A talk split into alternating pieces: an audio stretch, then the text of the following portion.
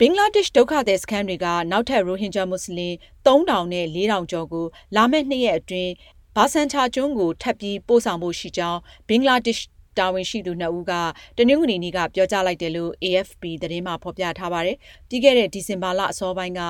ဘာဆန်ချာကျွန်းကိုစတင်ရွှေ့ပြောင်းခဲ့တဲ့ရိုဟင်ဂျာဒုက္ခသည်ပေါင်း၇၀၀၀လောက်ရှိနေပြီဖြစ်ပါတယ်။ရိုဟင်ဂျာဒုက္ခသည်တစ်သန်းကျော်ဟာဘင်္ဂလားဒေ့ရှ်နယ်စပ်က